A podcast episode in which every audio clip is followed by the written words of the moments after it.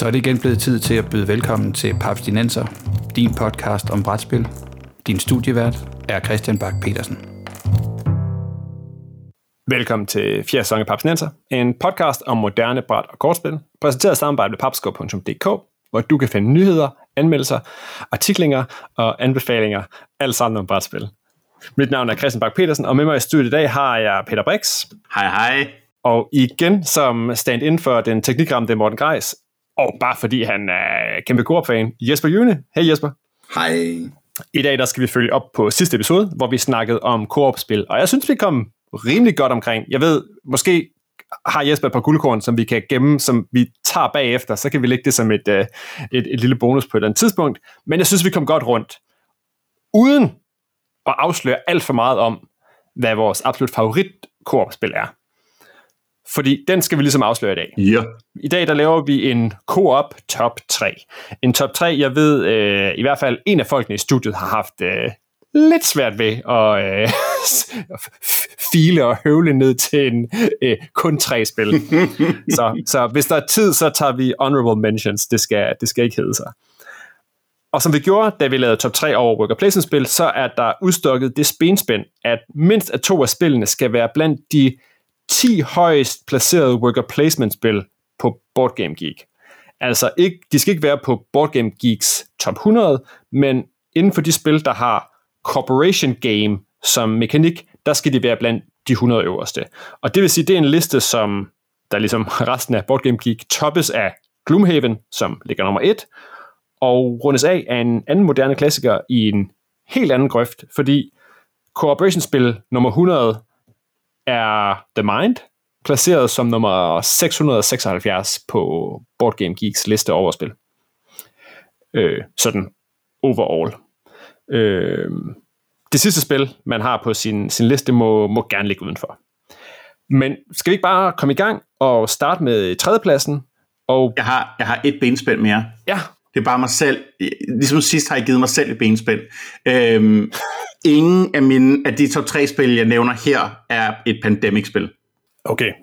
Så er det sagt, det Pandemic Legacy sæson 1 vil være der et eller andet sted. Men jeg tænkte, det var for nemt. Så det er dit svar på, øh, det er dit, øh, dit, dit co-op svar på Lords of Waterdeep. Præcis. Jeg tænkte, det ville være for nemt, så det er et ekstra benspænd fra Peter til Peter. Okay, det er i orden. Men Jesper, skal vi ikke, øh, skal vi ikke starte med dig? Hvad har du som spil nummer tre på, øh, på din liste over fede spil Det er et øh, spil, som i virkeligheden øh, bygger på en rigtig gammel, klassisk øh, mekanik, kendt fra andre spil end brætspil, og det er The Crew. The Crew. Det er det her spil, hvor man, øh, hvor man øh, tager stik. Øh, jeg jeg spillede det med mine børn og var forbløffet over, at de slet ikke vidste, hvad det vil sige at tage stik med, med, med sådan et helt almindeligt kort, kortspil. Men det måtte jeg jo så lære dem, og det er jo godt nok, så kan jeg sende dem fra hjemmet, øh, uden at være skamfuld. Men man har i virkeligheden bare et kortspil, og så deler man kortene ud. Man må ikke tale med hinanden om, hvad for nogle kort man har på hånden. Og så skal man spille, og så skal man tage stik fuldstændig som med et almindeligt spil kort. Forskellen her er bare, at øh, spillerne har nogle forskellige missioner, der går ud på, at de skal tage nogle stik med nogle bestemte kort i. Selvfølgelig er det med nogle andre farver, der er en historie og alt muligt, halløj, men, øh, men basalt set, så er det det, spillet går ud på. Øh, grunden til, at jeg har den som min nummer tre, det er, at jeg har spillet det øh, virkelig, virkelig mange gange. Og øh, jeg burde næsten, hvis det ikke var en podcast, så ville jeg vise jer, hvordan mit spil ser ud. Fordi det er blevet, det er blevet virkelig klamt. Øh, det er også, folk har sagt til mig, kan, kan, der, kan der være så meget finger, fingerfedt på, på nogle kort? Ja, det kan der. øh, og, og, og det er en tilstand, hvor jeg faktisk overvejede at købe et, et nyt af det, men, men så kom The Crew 2 jo. Og så tænker jeg, så behøver jeg nok ikke. Men øh, det er virkelig et godt spil, og jeg har spillet det øh, over 200 gange, øh, og, og elsker at have gennemført det, og spillet de ekstra missioner, der er på nettet, øh, meget sammen med mine børn og min kone, øh, og jeg kan varmt anbefale til alle. Det er nemt at gå til, og det er super spændende. Bum. Ja. Og en, en, en ny titel, den er fra 19 eller noget af den stil, og ligger top 50 i hvert fald på Board Game Geek, så, øh, så du er ikke den eneste, der har siddet og, og virkelig øh, fået kørt noget The Crew igennem. Jeg vil sige, at jeg, jeg, jeg prøvede at call, at det var ville blive uh, Spiel des Jahres uh, det år, hvor det udkom. Uh, og det blev det ikke. Det blev faktisk Kender Spiel des Jahres, uh, hvilket forbløffede mig en lille smule, men, men hallo, uh, fint nok. Uh, jeg synes næsten, jeg får se rigtigt. nu har jeg ikke spillet The Crew. Hvor, hvor stærkt er Øh, men jeg er da fristet nu. Jeg kan da både godt lide et øh, godt slag vist og, øh, og et godt grоб. Hvor, hvor stærkt er historieelementet i det? Hvor, hvor meget føler man, man er samarbejdende om øh, en eller anden rumskibsmission? Er det det, der er dramaet, eller er det sindssygt lige meget? Ja, altså, the, the Crew uh, går jo ud på, at man har detekteret noget, man mener er den 9. planet, og så får man lidt pont til stakkels Pluto. Men, uh, men den 9. planet i vores solsystem, og det her går så ud på, at man skal rejse ud til, til at finde ud af, hvad er det, der er derude. Og nu vil jeg jo ikke afsløre, men der sker mange spændende ting, når man kommer derud. Uh, og jeg vil sige sådan, at uh, jeg sad og læste, der er 50 kapitler, der er 50 spil, og de bliver gradvist svære og svære. Jeg sad og læste dem højt for, for mine børn, mens vi spillede det jeg tror ikke, hvis jeg spurgte dem, hvad historien var, at de overhovedet ville kunne redegøre for det, øh, desværre. Nej. Men øh, det, er, der, det, er, det er rent abstrakt, vil jeg sige, ja. Okay, men det er fint nok dressing, hvis man sidder lige, og nu vil det, jeg skal i gang med, og derfor er det spændende. Ja, det er sådan på det niveau, hvis du skal tage de her fire stik, så er det fordi, der er faldet fem, fire små dimser af dit rumskib eller et eller andet, ikke? Altså det er sådan på det niveau, så det er der faktisk ikke. Det må jeg bare være ærlig at sige. Yes, og skal vi lige øh, for en god orden sige, at øh, Morten, som desværre ikke kan være med på grund af dårlig teknik, han har The Crew som sit spil nummer to på sin uh. top 3. Så øh, The Crew representing.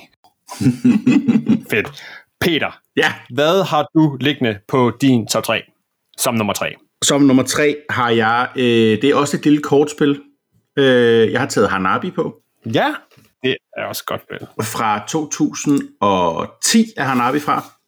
Et, et fantastisk lille kortspil, hvor at man sidder med nogle kort, de har tal fra, jeg kan ikke huske, hvor højt de går op, 1 til 7 eller 1 til 5 eller sådan noget, øh, og er i en masse forskellige farver, og øh, det spillet går ud på, det er ganske simpelt at lægge kortene i den rigtige bunke i nummerrækkefølge, og det lyder meget nemt, tænker I så, ja, men tingen er, at man kan ikke se sin egen kort. Det vil sige, at man har kort ryggen mod sig selv, og fronten ud mod alle andre. Så man kan se, hvad alle andre har kort, men ikke sig selv. Og det, man gør på sin tur, det er, at man peger på de andre spillers kort, og så må man enten sige, det her er alle dine toer, eller det her det er alle dine blå kort. Og øh, så er det øh, den anden ting, man kan gøre, er at tage et kort og lægge den i en bunk, og så håber man, skulle hjælpe med, at man kan huske, hvad de andre har givet en af clues. Øhm. ja. Og man har, det vil sige, man har... Og det er svært. ja, og man har et, begræn, et begrænset antal gange, man må fortælle noget. Der er sådan en, en, en, en lunde, der lige så stille brænder ned. Ja, så man, det er der nemlig. Man kan kun gøre det så mange gange. Ja. Og, og, og, og der, må jeg, der må jeg sige, at, øh, at øh, hvis det her havde været en top 4, øh, så havde han Narbi ligget som nummer 4, øh, øh, fordi det er jeg også rigtig glad for Narbi. Jeg synes, det, det er ligesom The Crew. Man tager, man tager et, noget, egentlig en lille bitte teknik, det der med at vende korten om, så man ikke kan se sin egen, men kan se de andre. Jeg synes, det er, det er genialt fundet på, det der. Ja. Og, og der, hvor det virkelig bliver vildt, det spil, det er, når nu Peter sidder ved siden af mig, og jeg siger til ham, de tre kort, du har der, er toer så skal Peter sidde og tænke, hvorfor fortæller Jesper mig, at det er toer? Ja. Ah, jeg kan se, der ligger to øh, grønne etter, eller en grøn etter og en blå etter derude. Det må betyde, at han nok siger til mig, at jeg kan lægge dem ned ovenpå, fordi ellers kan jeg ikke bruge den information til, måde, til noget. Og, øh, og det var rigtigt. Og så sidder vi og bliver rigtig glade over, at jeg kunne kommunikere det til dig øh, helt skjult. Ikke? Og, det, det, ja. og, og det, kan nå, det kan nå, det har mange, mange niveauer, hvor at det kan, man kan blive sådan helt... Øh, man kan komme helt, helt ud af kroppen opleve sig nogle gange, fordi at man kan, kan kommunikere med hinanden på alle mulige måder. Ikke? Øh, ja. ja. Jo, jo. Og, og tænderskærende, tænderskærende frustrerende, når ens nabo ikke helt fatter det, og i stedet for bare vælger at brænde endnu et clue af på, på noget, man, jamen, det var da tydeligt, at din røde etter, den lå her, og det var den, du skulle smide ned. Altså, goddammit. Ja. Fordi, ja, som sagt, man har, man har tre, tre skud i bøssen, ikke? man må lave tre fejl, ikke? og så er, det, så er det slut. Og ja. præmissen er, at man er i gang med at lave et meget smukt fyrværkeri, show. Nå ja, der er, der er et plot. men, men faktisk, hvis man skulle pege en lille ting ud, altså der er ikke noget tema i det der, vel? Men det, den anden lille ting, det er det der med, øh, hvornår vinder man egentlig det her? Altså det er sådan en af de der spil, hvor man siger, hvis du, hvis du man tæller sammen, hvor mange af de der fem farver, man får lagt op, mm. øh, og det vil sige, at man kan maksimalt få 25, øh, og vi plejer at spille med, hvis man får 21, så, så synes vi, vi har vundet, hvis man får mindre, så har man tabt.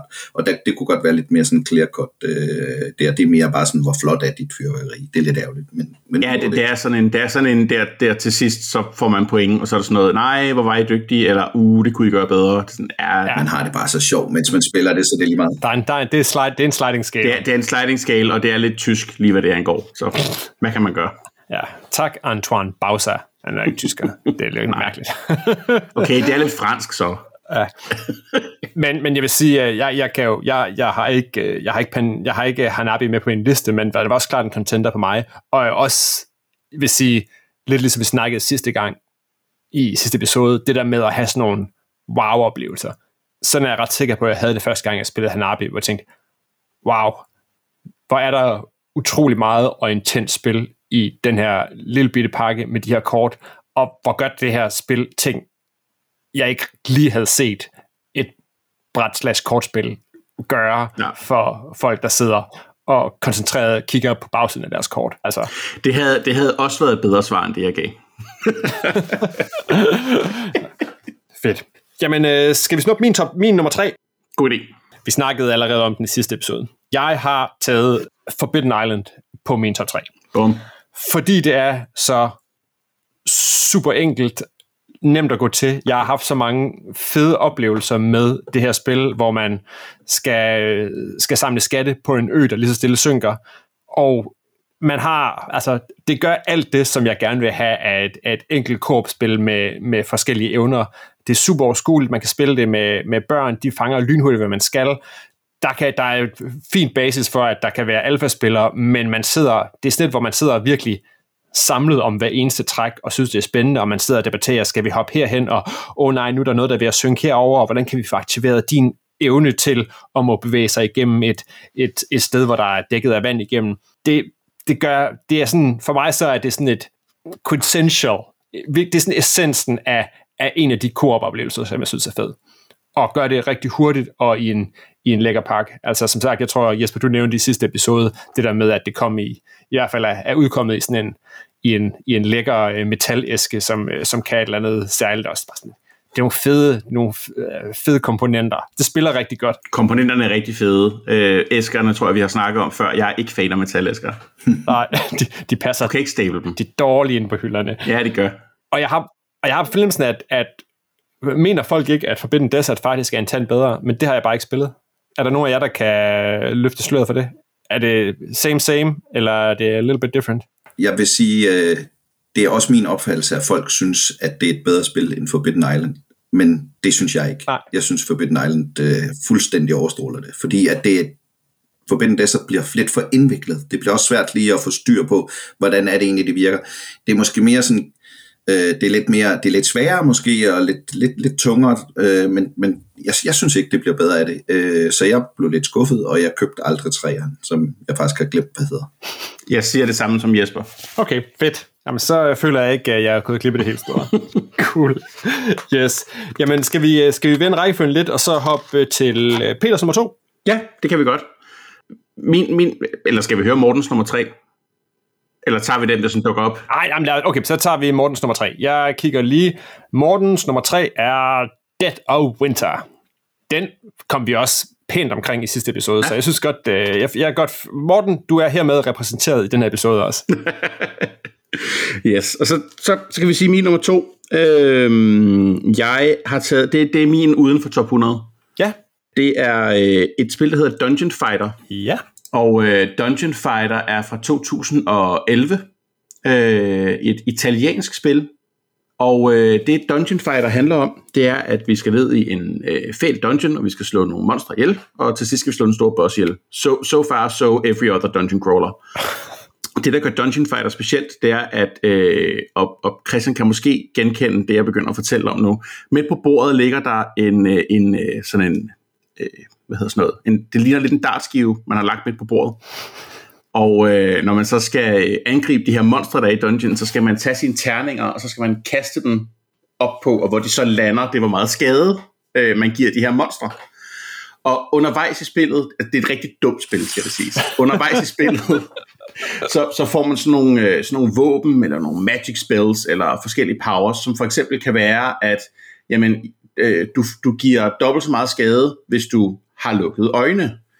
Eller hvis du står på et ben og, øh, og kaster terningen sådan under det ben, som du ikke står på, og stadig op på bordet og rammer pladen. Og hvis du kan kombinere dem, så giver alle dine kort, altså virker alle de kort, du, du bruger, øh, alle de special powers, du bruger. Øhm, og det er helt fantastisk, og man griner rigtig, rigtig meget, når man spiller det. Og det kræver bare, at man har et spillerum, hvor der er to meter plads rundt om bordet. Og derfor får jeg det næsten aldrig spillet med. Fordi nogle af tingene er så noget, at du skal stå mindst halvanden meter fra bordet og prøve stadig, og stadig ramme. Og man går meget rundt om bordet og gør dumme ting. Okay. Jeg, jeg vil allerede nu komme med et løfte. Altså, Peter, har vi en, en playdate på festival næste år med et kamera? Det kan vi godt sige. Så skal der med med spille Dungeons Fighter. I et, fe- i et Jeg, jeg, jeg er på. det bliver, det bliver, det er, det er vores bidrag til underholdning på festival næste år. Det er, det er Christian med sikkerhedsbriller, fordi pludselig begynder Peter at tyre terninger igennem lokalet med lukkede øjne. Jeg glæder mig allerede. Ej, det lyder, øh, det lyder skørt. Men koop-elementet, er det bare, at vi er, vi er sammen? Coop-elementet er bare, at vi er sammen og går ned i en dungeon. Okay. Det er, det er, det er ikke sådan, så, så man, man kan desværre ikke lave combo dice rolls. så så selve, selve koop-delen er måske lidt svag, men, men det er et skænkeligt spil, jeg, jeg virkelig har, har, har grint meget med. Okay. Ah, det, lyder, det, lyder, det lyder ret skønt. Jeg vil, jeg, jeg, vil, jeg vil sige, at jeg, jeg, er lidt, jeg er lidt overrasket. Jeg kender rigtig, rigtig mange korpspil, og det der har jeg aldrig nogensinde hørt om. Men jeg vil sige, det der med at le af et spil, det er faktisk øh, det er virkelig guf. På mit arbejde, når vi er færdige med at spille brætspil til de brætspilsapner, vi arrangerer, så slutter vi altid med at spille noget Hanabi. Ja. og, og, og vi flækker af grin over det. Og det er, det er underligt, at, man kan, at, at det er et element i det, men det er det faktisk. Men øh, jeg havde ikke regnet med, at jeg skulle høre om et spil, jeg aldrig havde hørt om før i dag. Men kudos, Peter. Det er, at det, det, og det, dem, dem, der udgiver det, øh, Cranial Creations hedder det, og det er, det var, det var det første år, jeg var på Essen, og øh, når man øh, er anmelder for en brætspils hjemmeside og skal på Essen, så prøver man jo, man prøver jo at få loot med hjem.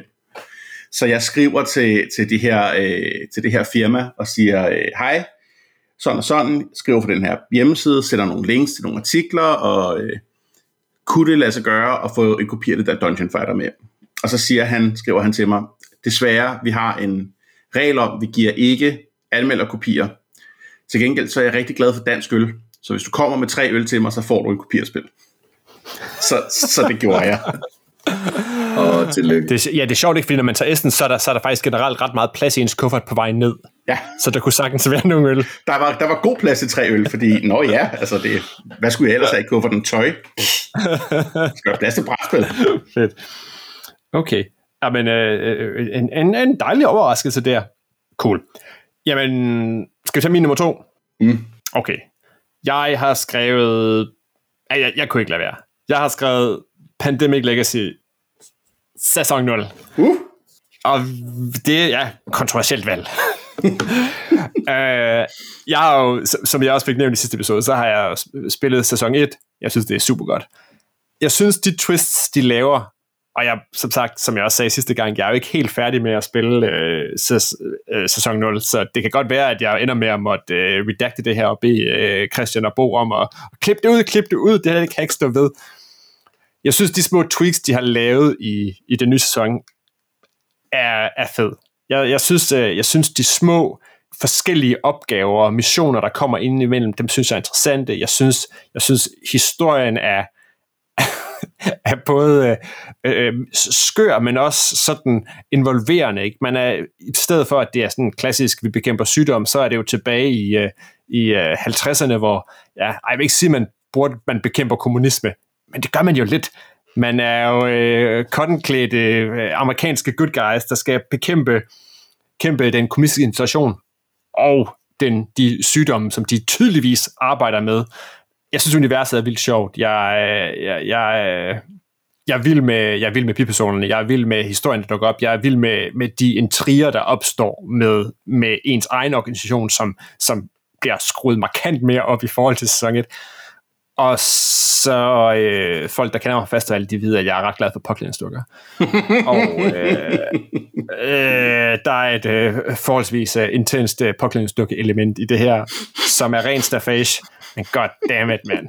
Jeg elsker at sidde og udfylde mit pas med små øh, udstyr, mine, mine, mine helte med briller og sjov rykker og rumhjelme og tøj og sådan noget. Det, det er, altså, jeg synes, det, det, det gør alt det fede og gribende, og man kan gå tilbage og høre vores, øh, vores gennemgang af Pandemic øh, sæson 1. Nu har de fleste vel efterhånden spillet det. det. Den ligger et eller andet sted derinde. Så kan man høre, hvad jeg synes er fedt ved det.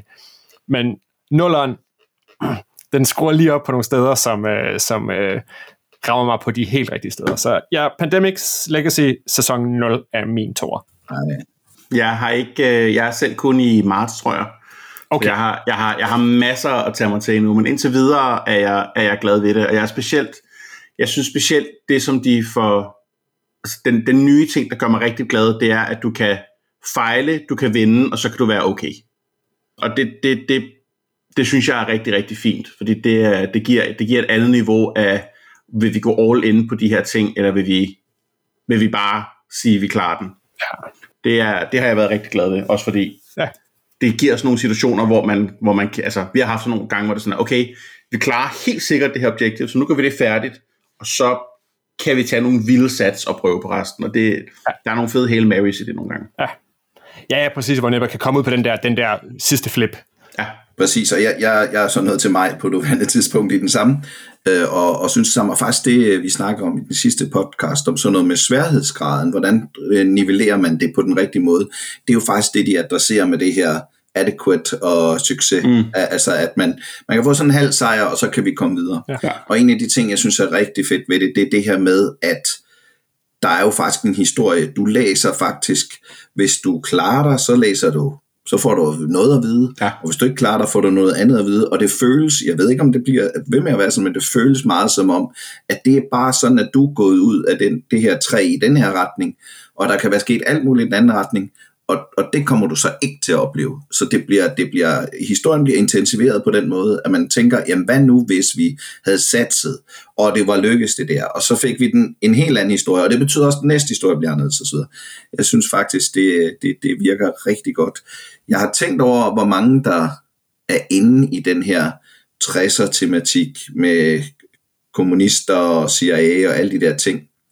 Og det er jo kommunister, Christian. Det er det. det er, der er fyldt med. Altså. Man laver jo en lille vogn, der kører et sted hen, hvor der står en masse folk, der meebles, der er røde, and do what they're supposed to do. Ja, ja den har, de har hammer, den, den, der er en lille vogn med hammer og sejl på taget. præcis, præcis. Det er det. Men er det de onde? Er kommunisterne de onde? Det ved vi ikke endnu. Vi er ikke færdige. Hmm, jeg ved mere, end I gør. Ja. Jeg ved mere, end I gør.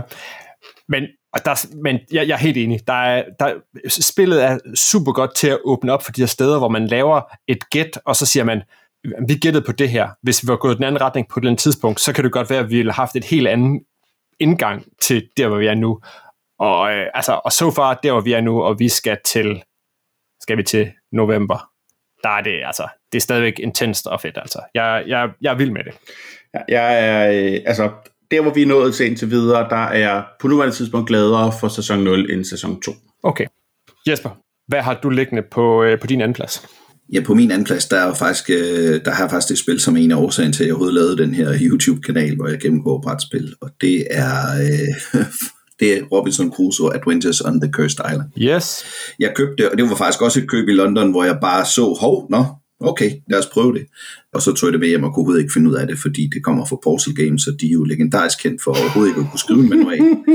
øh, og, og, og så en side note, de udgav sig senere First Martians, øh, som jeg var helt op at køre over, og som, ja, jeg ville gerne sælge min kopi på et tidspunkt, så jeg vil ikke sige mere om det. Øh, men, øh, men Robinson Crusoe er jo det her spil, hvor du er strandet på en øde ø, øh, og du, du er de her hvor mange du nu spiller, øh, tre-fire personer. Vi snakkede faktisk også om det i den foregående podcast. Ikke? Du har, du har din, hver har sin rolle, og du, du skal så i virkeligheden, du starter egentlig fra nul på den her ø. Der, du har ikke noget som helst, så skal du få, prøve at få bygget op. Det kan være, at du vil have et shelter over dit hoved, du bliver angrebet af vilde dyr, så vil det være godt, hvis du havde et spyd, du kunne svare dig med, og så videre. Og det, øh, den måde, vi har spillet det på, det er, at vi har sagt, at vi spiller, der er, tror jeg, otte scenarier måske, eller seks, eller noget af den stil i boksen.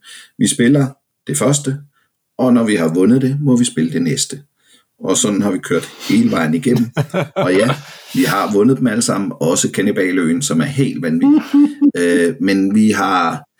Det, det, det, det, det er selvfølgelig også noget med, hvem man spiller med, men det er, det, er, det, er, det er svært, det er noget sløst, men der er også meget storytelling i, at der kommer nogle events, der sker noget, og, og det er, jeg synes, det er, ej, jeg, jeg er virkelig vild med det. Vi hoppede også på udvidelsen, der hedder Journey of the Beagle, og det gik meget godt ind til pludselig, så ville de her, man skulle lave hele spillet om, og så var man pludselig på nogle skib, der skulle sejle rundt, og så mistede vi interessen i det. Ikke? Men vi har købt den her Mystery Tales, øh, som vi skal i gang med, så snart vi er færdige med, med Pandemic øh, Legacy sæson 0. Ikke? Øh, men det er virkelig godt spil, synes jeg. Ja, og også en, jo en, en, en virkelig velplaceret ligger nummer 66 på Board Game Geek, og er en, øh, en må jeg sige, uh, Papstenser favorit, Ignacy Tresevic. Han uh, har lavet en del gode spil. Ham kan vi godt stå inden for. Ignacy Trevicek. Ah, fuck. Okay, du vandt. 1-0 til dig, Peter. Som, som, som, som, som jeg husker, han udtaler det. Okay. Det er godt, det er, godt, det er en co-op episode, det her, Peter, så, ja. så vi, vi, tager, vi kører med din version. Og det er jo faktisk noget med, at de har lavet en øh, ny version af det, hvor de har fået strammet øh, manualen op, så man rent faktisk øh, kan, kan forstå bedre, hvordan spillet fungerer. Og ellers, ellers så, så har de jo et, et fast øh, samarbejde, apropos Coop, med, øh, øh, hvad hedder det, hvad hedder han så, Rodney King ja. på YouTube, øh, Watch It Played. Ja, præcis. Og han er, han er den, den mest smilende mand på YouTube, og er god til at forklare regler. Også Portal Games. Og han gør det på kanadisk. Og ellers, så kan Jesper også gøre det. Det er rigtigt. Ja, jeg har også lavet en video med den. Det var en af de allerførste. Jeg tror ikke, man skal gå ind og kigge på det. Og han gør det på kanadisk. og det elsker jeg, for jeg har boet i Canada. Men en af, en af de ting, jeg synes altså også er en helt vildt fed mekanik i det der spil, det er det der med, at man, det er jo, man sætter sine meebles ud, sådan worker placement-agtigt, der hvor man gerne vil gøre det, men du, du har to, og du, du kan vælge at sætte to på det samme felt, og så lykkes det. Eller så kan du vælge at sætte en ud, og så skal du rulle med en terning, og så kan det jo gå galt. Og du kan ikke rigtig komme igennem spillet, hvis du bare kører det der double safety hele vejen igennem. Du er nødt til at, du er nødt til at sprede lidt øh, ud, men hvor meget gør man det, hvor mange gambler er man, og så videre. Ja. Det synes jeg er rigtig godt. Ja. En gang imellem kan man godt tage en sikker, hvis man virkelig, den er, den skal bare, den skal være hjemme. Jeg, jeg bliver simpelthen nødt til at få prøvet det spil en dag. Det, øh... Ja, det skal Det skal du, helt sikkert. Det må jeg finde ud af. Nu skal vi til nummer etterne. Skal vi øh, skal jeg være den gode vært, og så starte med min? Ja. Yes. Mit yndlingsspil er et, jeg får spillet alt for sjældent. Det er... Og Mortens nummer to var The Crew. Bare lige. Ja, præcis. Vi havde, vi, havde, vi havde sagt det en gang, men bare for god ordens skyld. Okay, skal vi lige, skal vi være, fordi Morten ikke er her, så tager vi ham hurtigt. Uh, Mortens nummer et er Pandemic Legacy sæson 1. Yay! Godt valg. Også et godt valg. Min nummer et er spillet Underground Railroad, som er et koopspil om at øh, fragte slaver øh, fra sydstaterne igennem nordstaterne, som viser det sig ikke var så gode og rare, dengang at der var slaver i sydstaterne op til den omkring borgerkrig, og få dem til Canada, hvor de faktisk kan være stikkerhed. Hey, mere, mere Canada-hype her. Hey. det er et spil meget i, uh, i hvad hedder det, i pandemic-stilen. Man har forskellige særlige evner, øh, som kan gøre ting, og ellers så handler det om at få via nogle ruter op igennem Nordamerika og få flyttet cubes til Canada. På, på kryds og tværs, det kræver en masse ressourcer, fordi samtidig så forsøger man også at påvirke den, øh, den politiske stemning i USA på det her tidspunkt, så man på en eller anden måde kan, kan komme få, få det her system afskaffet, og ligesom kom, kom, få, få lavet noget udvikling der, så der er noget ressourcer, der skal spilles ind, og så samtidig så har brættet en, en modbydelig hård mekanik i nogle slavefangere, som rejser på kryds og tværs af, af Nordamerika, og sender folk til, direkte tilbage til, øh, til plantager nede i syden. Og de her plantager, der er også ikke, det er heller ikke altid, der er plads til alle folk dernede, og så sætter man folk tilbage, og så dør de her cubes.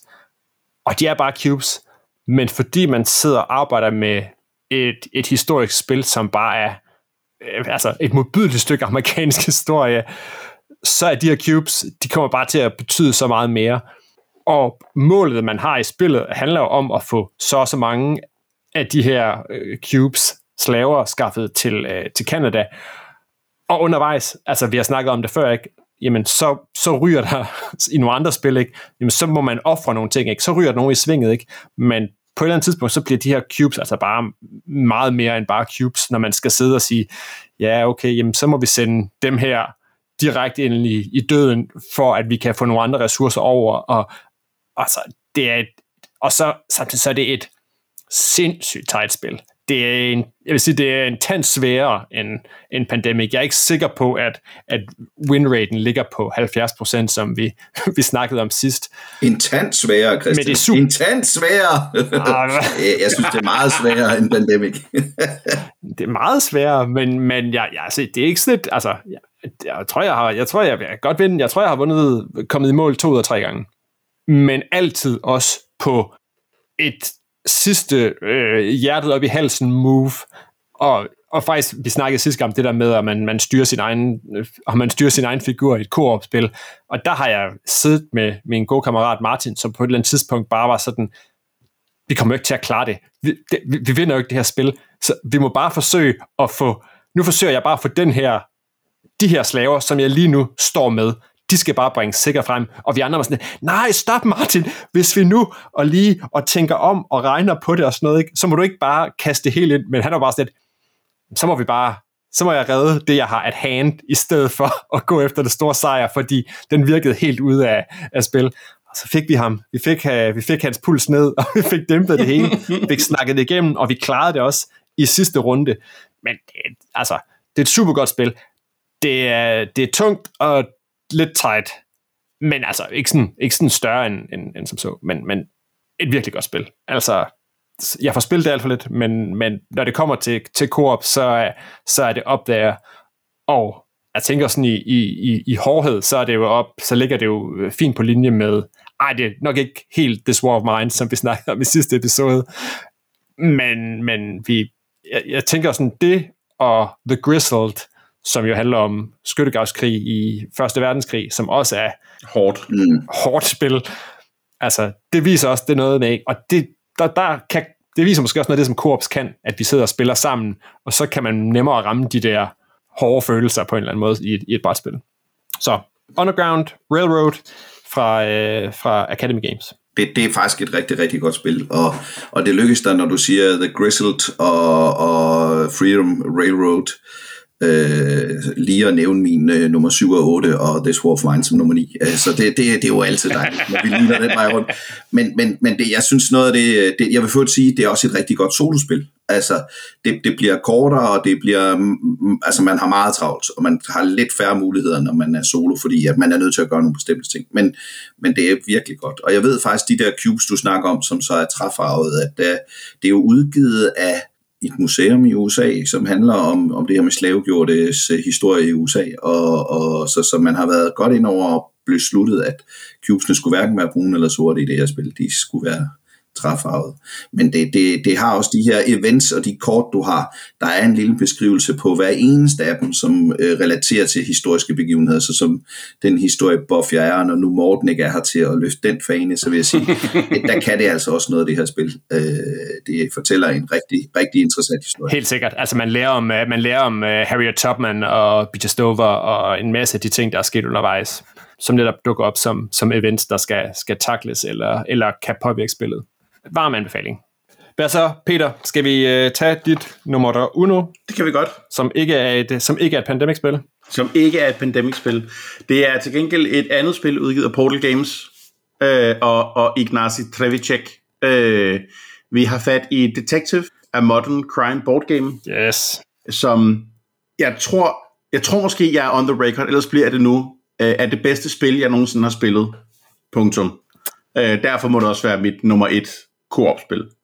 Altså, og ja, uh, Detective er modern, ja, vi kalder det bare Detective, det er hurtigere. Det er fint.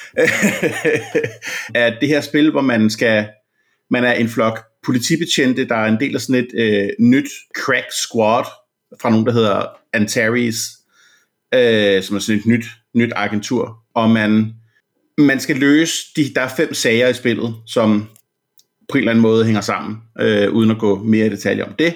Men øhm, der, der er ligesom, der er, øh, der er hele den her store mysterie, man skal løse, og det er, du har, du har billeder af, af mistænkte, som man passende kan hænge på et whiteboard med røde tråde mellem dem, og, og sidder og laver timelines af ting, man hænger op og bytter rundt på, når man pludselig finder ud af, at et ur ikke gik rigtigt, og det er, det er helt, helt banjo på historiefortælling og puzzle solving på den der måde, hvor man får ender med at have et hjem, der har en stor murder wall, øh, crazy hobo murder wall op på sin væg. Øhm, og det er altså meget, meget, oplevelsen er med garanti også, hvem man spiller det med, og hvor meget all in man går på, øh, på ligesom at leve sig ind i det her.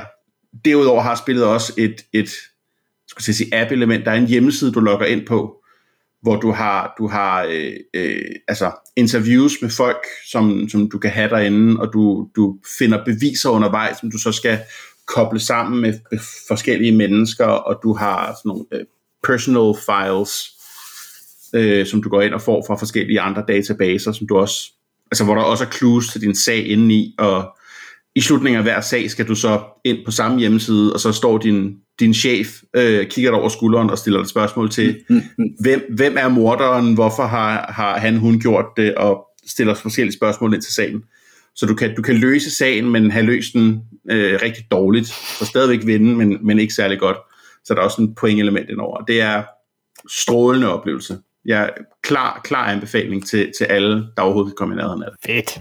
Ja, jeg har et spørgsmål til det, Peter, faktisk. Ja. Er, er, er det, er, har man en rolle, har hver person en rolle, eller er vi over i de her lidt uh, exit unlock? Ja, altså ikke fordi det er sammenlignet, men de her, de her, vi er bare fælles om det, og vi kan sådan set gøre, hvad vi vil. Øh, hver, hver person har en rolle, og hver rolle kan noget. Det er ikke, altså det, det er meget, det er meget, nu er det ikke et rollespil, så det er meget tynde roller, ikke? Øhm, men der skulle ikke, der skulle ikke laves meget om i det, for at det i virkeligheden var et rollespil.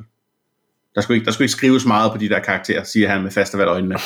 øh, for, for, for at det i virkeligheden lige så godt kunne være et rollespil, man sad og spillede. Mm. Men det er, øh, der, der er karakterer, de har special powers.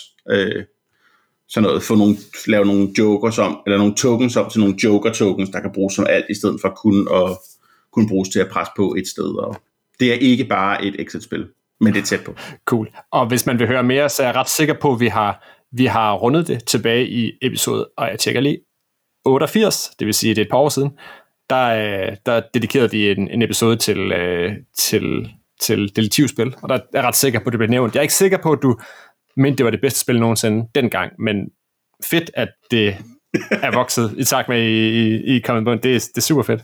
Ja, og det, det, det skal så også siges, det, det lider lidt under Time Stories sygdommen. Grundspillet er det bedste.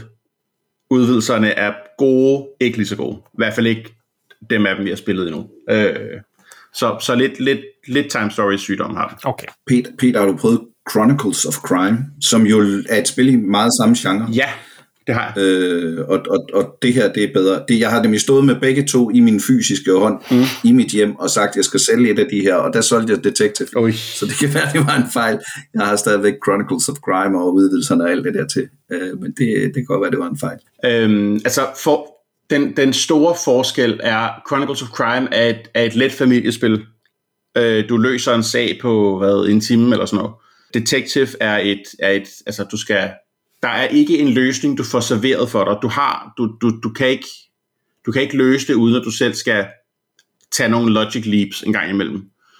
Og det tager et sted mellem 5 og 8 timer at spille en sag. Jeg tog det rette valg. Alt efter hvor meget Jeg man tog det rette valg. diskuterer alting. Fedt. Jamen, jeg tror, jeg tog det rette valg, fordi jeg tænkte, at det er svært at få det der på bordet og bruge de 8 timer på det, man skal. Ja.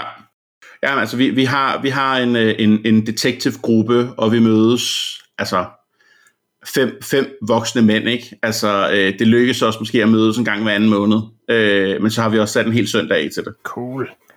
Fedt. Detective, Uh, modern Modern Crime Board Game. Crime Board Game. Ja, Ja. præcis. Fedt.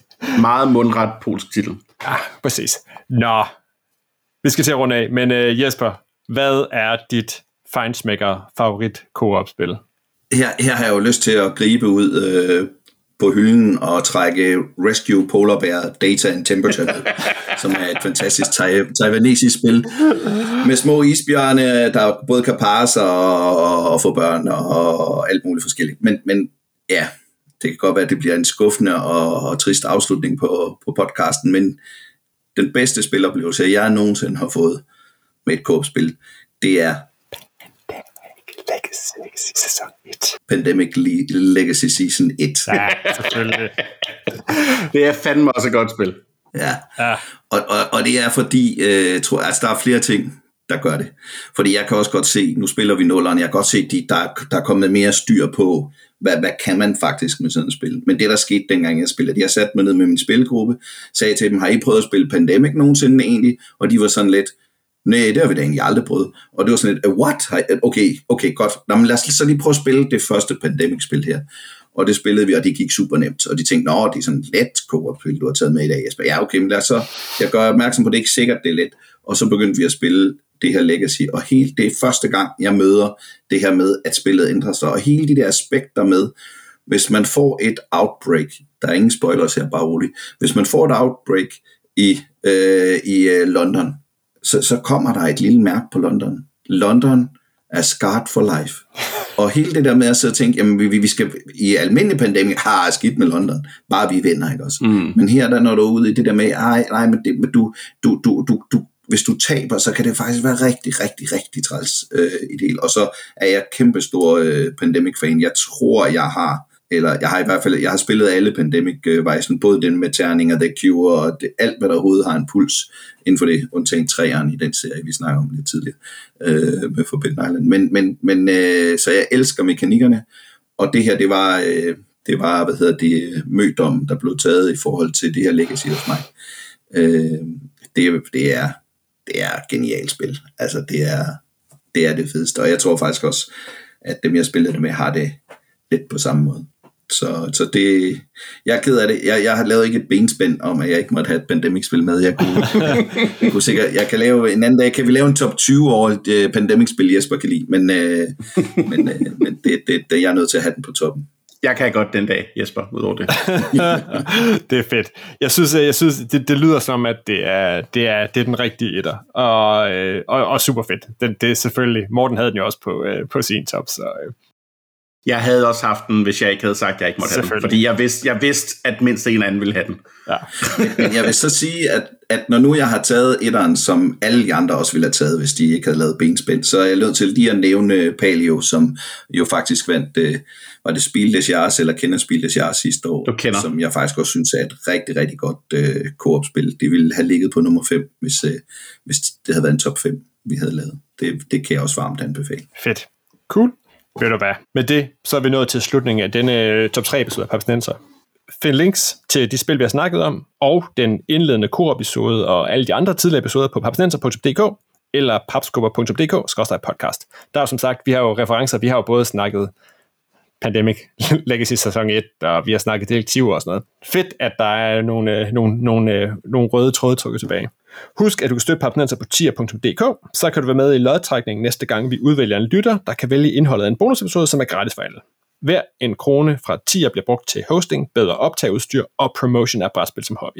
Du kan finde Papsnenser på Apple Podcast, på Spotify, på Podimo, eller hvor du ellers henter din podcast. Og så er vi på YouTube. Med mig i studiet i dag var Peter Brix og Jesper Jyne. Papsnenser er produceret af Bo Jørgensen, Christian Beckmann og Mark Ditlevsen. Mit navn er Christian Mark Petersen, og på vegne af hele Papsnenser, så håber jeg, at I også vil dele jeres koop top 3'er med os inde på Papskubbers Facebook-side. Jeg er sikker på, at øh, Legacy, Legacy sæson 1 vil være repræsenteret flere steder. Og Morten Grejs var her i ånden, om ikke i teknikken.